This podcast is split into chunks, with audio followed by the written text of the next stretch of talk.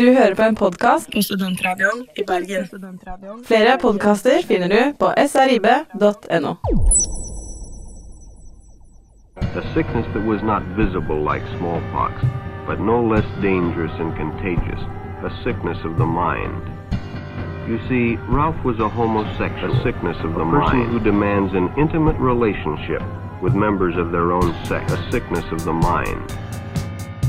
A sickness the of the mind. Make an association in their mind a between homosexuality mind. and pain and discomfort. The sickness of the mind. Prospect of, black, prospect of blackmail. Uh, the prospect of blackmail. But all homosexuals are not passive. Some resort to violence, as in the case of Mike Merritt. Some resort to violence. I guess kind of that was kind of my own journey to then become kind of to then identify as being gay. The sickness of the mind. Hei og velkommen til Historia ut av skapet på Studentradioen i Bergen. Nå er vi kommet til siste episoden av Historia ut av skapet.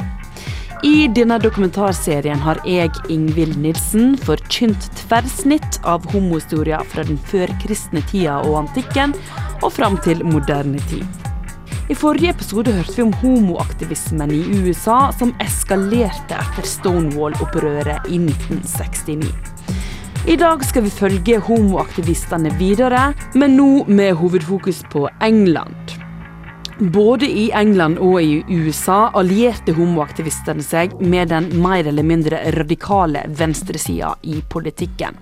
Noe som resulterte i en generell endring i holdningene til folket, til fordel for legitimering og toleranse av homofile forhold. Som et apropos til denne alliansebygginga, skal vi nå høre et klipp der Jerry Hughes, som vi snakka med i forrige episode, som var en av de som var med og starta Gay Liberation Front, der han forklarer hva han mener med alliansen med de radikale politiske organisasjonene. I felt that if we were connected to the loony lefties, which some of them were, that we would have the power of numbers in anything we did. And I felt that that was the important thing, to have the numbers. Like if we're going to do a demonstration, if we could have many, many more people from the hippies and the yippies and the dippies and the Black Panthers and whatever, great. Som Jerry Hughes uttrykker her, så hadde styrken alliansen ga helt klart sine fordeler. For på 70-tallet så oppheva flere amerikanske stater forbudet mot homoseksualitet. Men kampen var på ingen måte vunnet, for på 80-tallet kom det igjen et grundig tilbakeslag. Videre i episoden i dag skal vi høre om hvordan tilbakeslaget arta seg i England, og om hvordan de mobiliserte homoaktivistene og venstresida. Seinere skal vi òg få høre om hva påvirkning EU har hatt å si for homosaker, og om hva sannsynlig er for et nytt tilbakeslag i Vesten i dag. Men aller først nå skal vi få høre at Ian Jury and The Blockheads greier å si det ordet som er så vanskelig for Elton John. Her kommer Pardon. New digs and prospects of a job. New digs and prospects.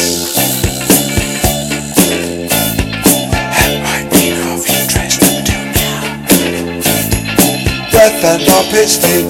For Christ's sake, please stay sweet. Oh, pardon? Oh. Pardon? Oh. Pardon? Oh.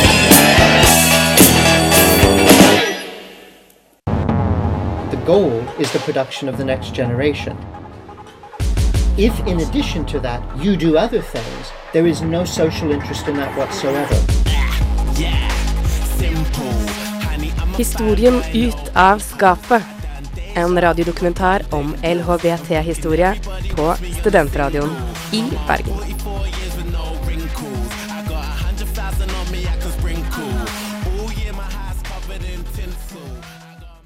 Det var Ian Jury and The Blockheads med Pardon. Og ei unnskyldning hadde sannelig ikke vært for mye å be om for den harde linja Margaret Thatcher og de konservative kjørte mot de homofile på 80-tallet. Det skal vi høre mer om nå, for jeg har igjen snakka med historiker Matt Cook fra Burbeck, University of London. Det var flere forhold på 80-tallet som medvirka til helomvendinga fra den positive utviklinga på 70-tallet.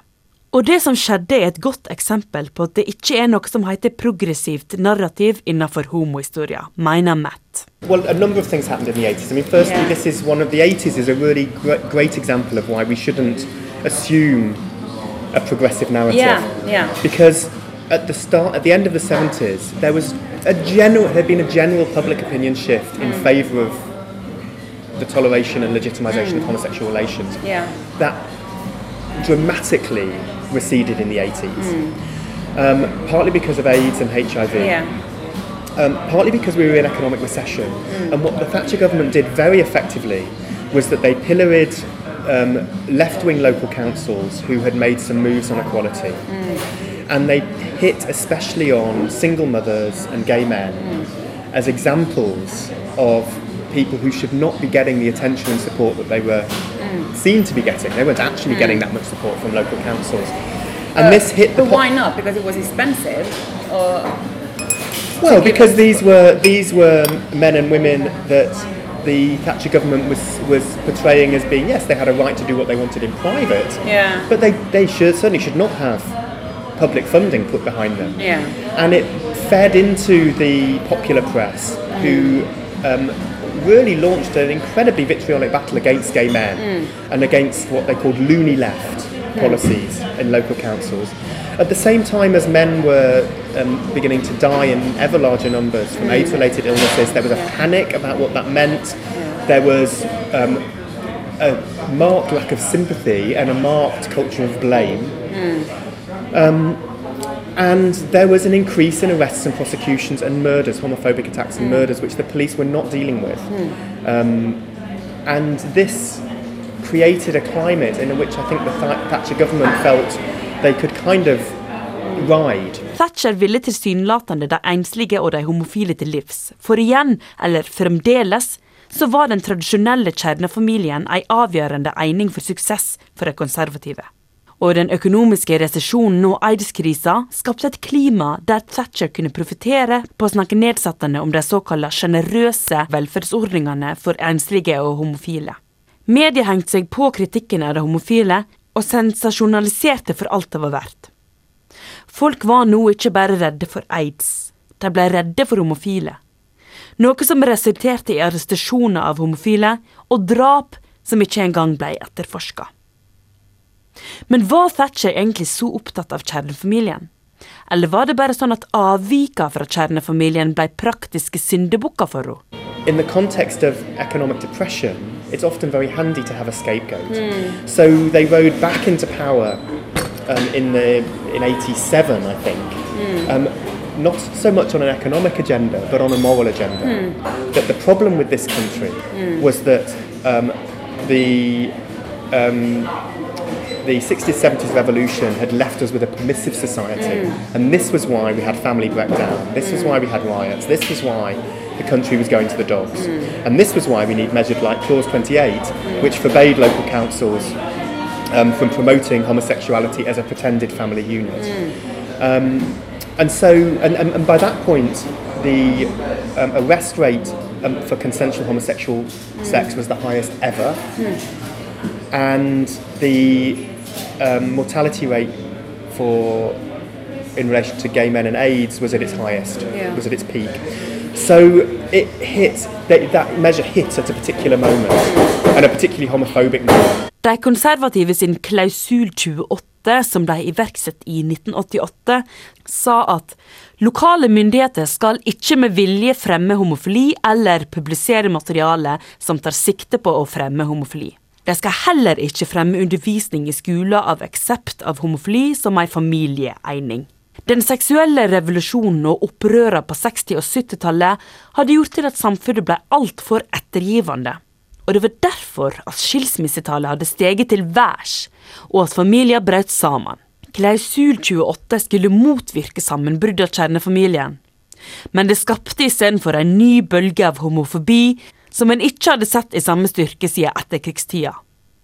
Men på samme måte som forfølgingene i etterkrigstida hadde trigga oppstarten av homorørsla, så trigga dette en ny og større mobilisering av homorørsla. But of course, what that did, because we'd already got a mobilised gay and lesbian movement through the Gay Liberation Front, is that instead of quietening and putting a clamp on these things, you had the most extraordinary um, backlash from the gay community, gay and lesbian mm. community, and people marching and campaigning in numbers that had never been seen mm. before, which really took, I think, government and the wider public by surprise. Mm. Not least because what they said was gay men and lesbians are have families and are part of families. We're not over here. We're here in the midst of everybody. And I think that did have an effect. It did have an impact, not least in giving gay men and women a real confidence. Um, you know, the, the gay press began to say, you know, we have a community as we have never had before. You know, and this seemed to be very evident in the way people um, were coming together, campaigning, fundraising. Men det var ikke bare homorørsla som mobiliserte. Den diskriminerende familiepolitikken til de konservative førte til ei utviding av samarbeidet mellom homorørsla og venstresida. The other thing it did, and this had happened earlier in the 70s, but it happened more um, dramatically in the 80s, was it aligned gay and lesbian identities with the mm. left. Mm. So, ironically, in the 1960s, Mrs. Thatcher had campaigned and had mm. been a proponent of gay law reform, of homosexual law reform, on a libertarian agenda. Yeah. People have the right to their individual liberties. Mm, mm. What happened in the 70s and 80s was it said, no, this is not enough. Mm. We are part of a society, which Yeah. was something that Thatcher was always sceptical about. And so they allied with a left wing agenda and started to cross organise. So gays and lesbians marched alongside the trade union movement, they got involved in anti racist movement, they actively supported, before Clause Clause 28, the striking miners. To the extent that when Clause 28 came along, a group of miners came to London and marched at the head of the Gay Pride March with their um, colliery, their miners' band. Homoaktivistene var altså slettes ikke alene om å mislike fru Thatcher på 80-tallet. Nå skal vi høre arbeiderklasseguttene fra Coventry The Specials med deres mest kjente protestsang mot statsministeren, Maggie's Farm.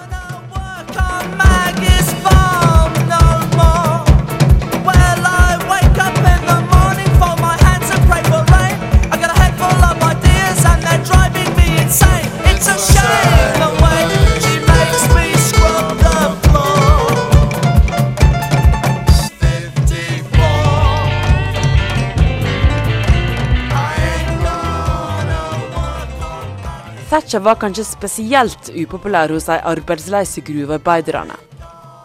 Men når de sto i lag med de homofile, så motbeviste de fordommene mange hadde om arbeiderklassen som homofob.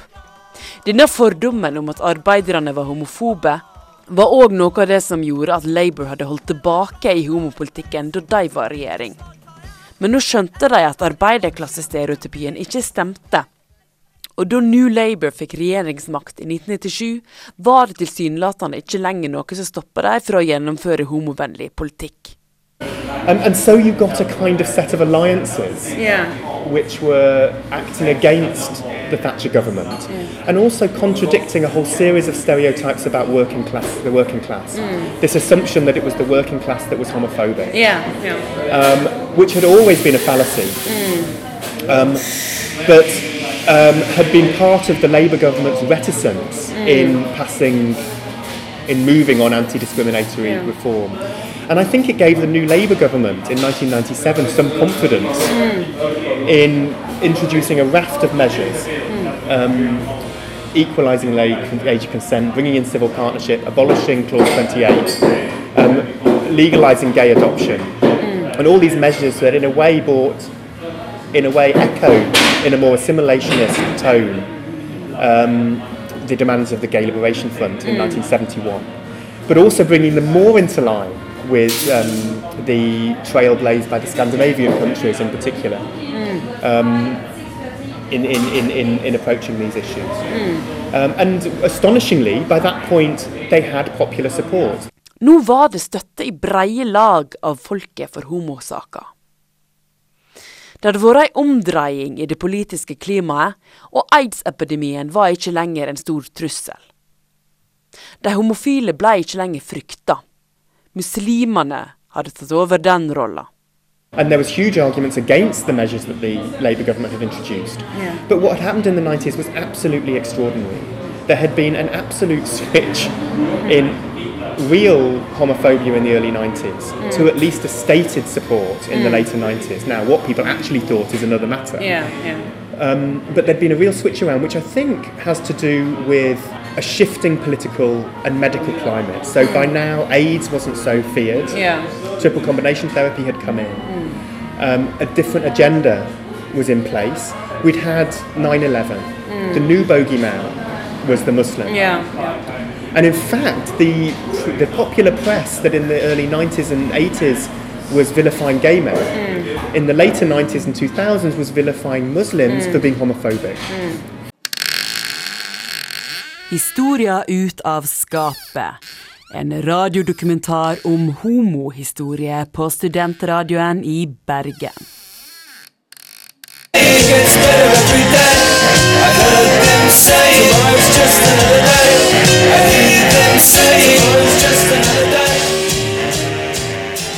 Der hørte vi 'Tomorrow's Just Another Day' med Madness.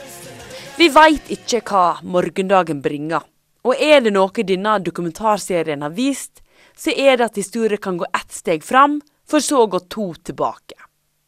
Før vi avslutter dokumentarserien, skal vi returnere der vi starta, til historiker William Nafy ved University of Aberdeen, for å høre hva EU har hatt å si for homosaker, og hva sannsynlig kan være for et nytt tilbakeslag.